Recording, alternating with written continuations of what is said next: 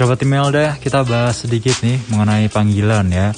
Mungkin tadi kita, oh saya ya, saya membuat membuat pertanyaan nih. Ada nggak sih panggilan khusus kalau kerabat Imelda pencinta slow rock station ngumpul sama teman-temannya yang suka musik rock juga nih ya. Mungkin ada yang dipanggil bro, sob atau man atau uh, apa ya yang lainnya ya.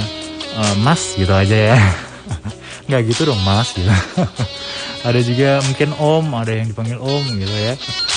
Yang penting akrab aja ya kerabat Imelda dan memang mencairkan suasana.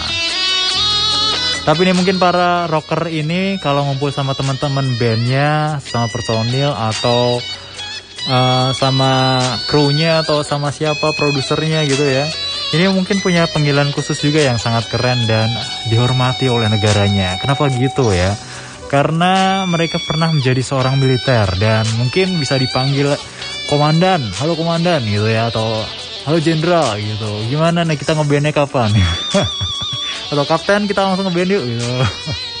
Asik banget dan atau sebagainya ya timnya dan ini nih pada periode sekar seperti sekarang nih kalau mendengar kabar bahwa seorang musisi pernah atau tengah menjadi tentara atau militer ya atau menjalani pendidikan militer seperti di Korea Selatan itu mungkin uh, sedikit jarang ya kreatif ya. Tapi kalau di seperti di Korea Selatan itu ya karena wajib ya. Jadi udah hal yang lazim aja lah, udah biasa aja kreatif ya. Tapi kalau buat beberapa musisi rock yang mungkin terlihat tangguh di panggung, ini sebagian kecil lagi di antara mereka ternyata mendapat pendidikan yang membuat mereka lebih tangguh lagi. Dan sebagian lainnya ingin mendapat pengalaman baru karena bosan dengan kehidupan rumahan ya. Dan ada beberapa musisi yang pernah mengangkat senjata dan sebelum akhirnya mengangkat instrumen musik ini. Siapa aja ya? Ada Maynard James Keenan dari band Tool, band Tool, band Tool dari Amerika dan A Perfect Circle ya. Ini sempat menjadi anggota militer di awal 80-an bersama dengan penambahan namanya Maynard di depan namanya. Ini vokalis yang eksentrik ini mendaftar sebagai anggota militer sebelum ia masuk ke, ke Kendall College of Art and Design, Grand Rapids, Michigan dan memulai bersama band yang bernama Tool ya.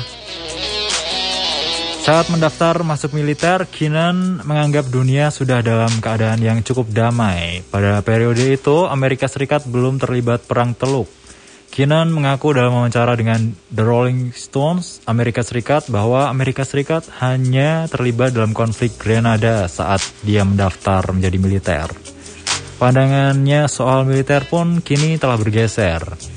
Dengan berkata, saya tidak yakin bisa menyarankan siapa pun untuk menjadi anggota militer di masa ini.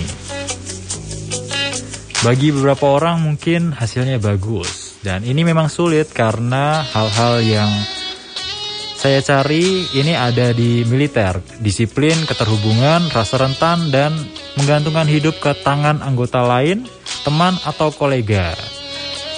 Jadi perkembangan penting ini muncul saat kita dihancurkan dan dibangun lagi dari nol. Namun saya tidak tahu apakah menjadi perpanjangan tangan untuk dominasi global juga termasuk di dalamnya.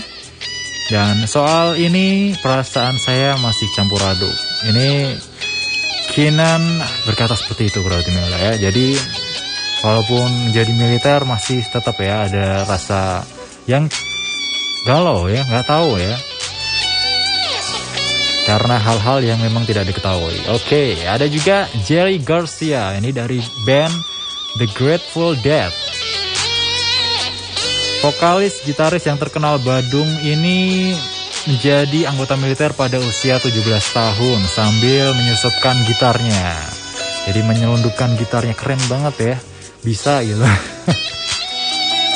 Jadi pada wawancara dengan The Rolling Stones Amerika Serikat, ia mengaku ingin menjelajahi tempat baru karena kondisi rumah yang kacau dan tidak betah berada di sekolah.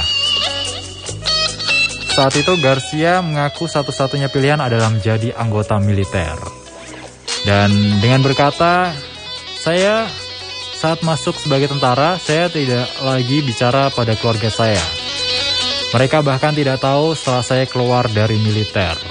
Saya tidak mau membicarakan hal ini pada siapa pun.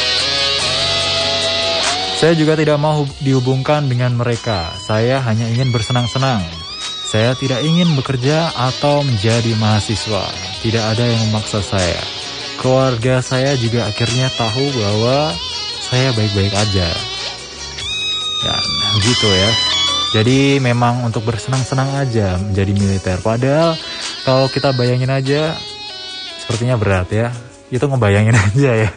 Harusnya dilakuin dong ya kalau tim ya. Ayo, yang mau langsung deh daftar ya besok ya. Ada juga Jimi Hendrix.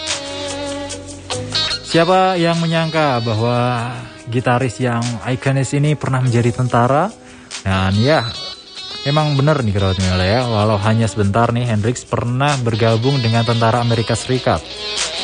Berkas keanggotaan Hendrix dari National Personnel Record Center di San Luis ini menunjukkan bahwa ia memang tidak cocok memegang senjata.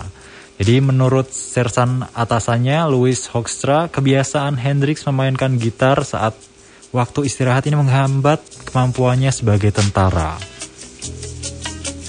Hoekstra juga berkata ini adalah salah satu kesalahannya karena pikirannya tidak bisa berfungsi saat bertugas dan dia terus menerus memikirkan soal gitarnya.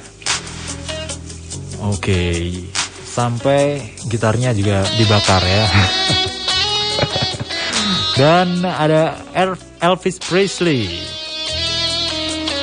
Raja rock and roll ini aktif menjadi anggota militer selama 2 tahun di penghujung dekade 50-an.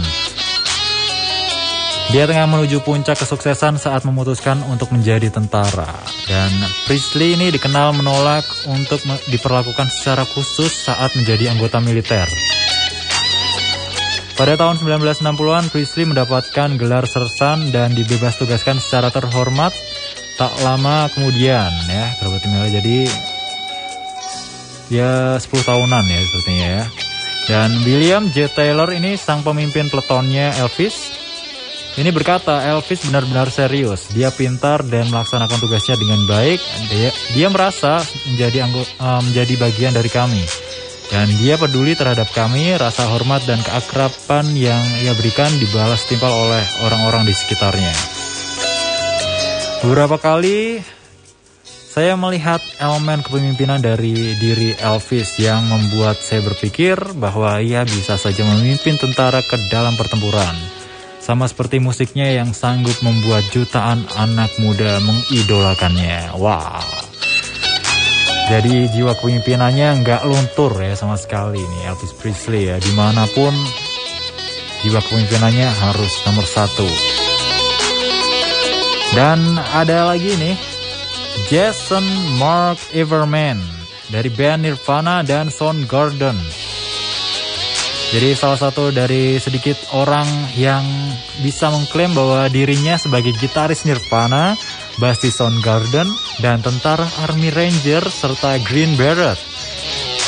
Dan ya, tiga ya pekerjaannya jadinya. Ia bergabung dengan Nirvana pada Februari 1989 dan terdaftar di album Beach sebagai gitaris kedua. Namanya disebut karena telah membayar sebagian rekaman album tersebut, walau permainannya tidak termuat di Blitz. Dan kemudian Soundgarden ini menjadi rumah keduanya pada awal 1990-an sebagai pengganti sementara basis Hiro Yamamoto. Hanya sempat merekam satu lagu cover yaitu Come Together di EP Loadless Love pada September 1994. Everman ini memutuskan untuk menjadi tentara karena terinspirasi oleh Benvenuto Cellini, seorang seniman, filsuf, dan pejuang di abad pencerahan. Everman ini tergabung dalam batalion Second Ranger, kemudian pada Special Force dia ditempatkan di Afghanistan dan Irak. Gokil banget ya kalau tim.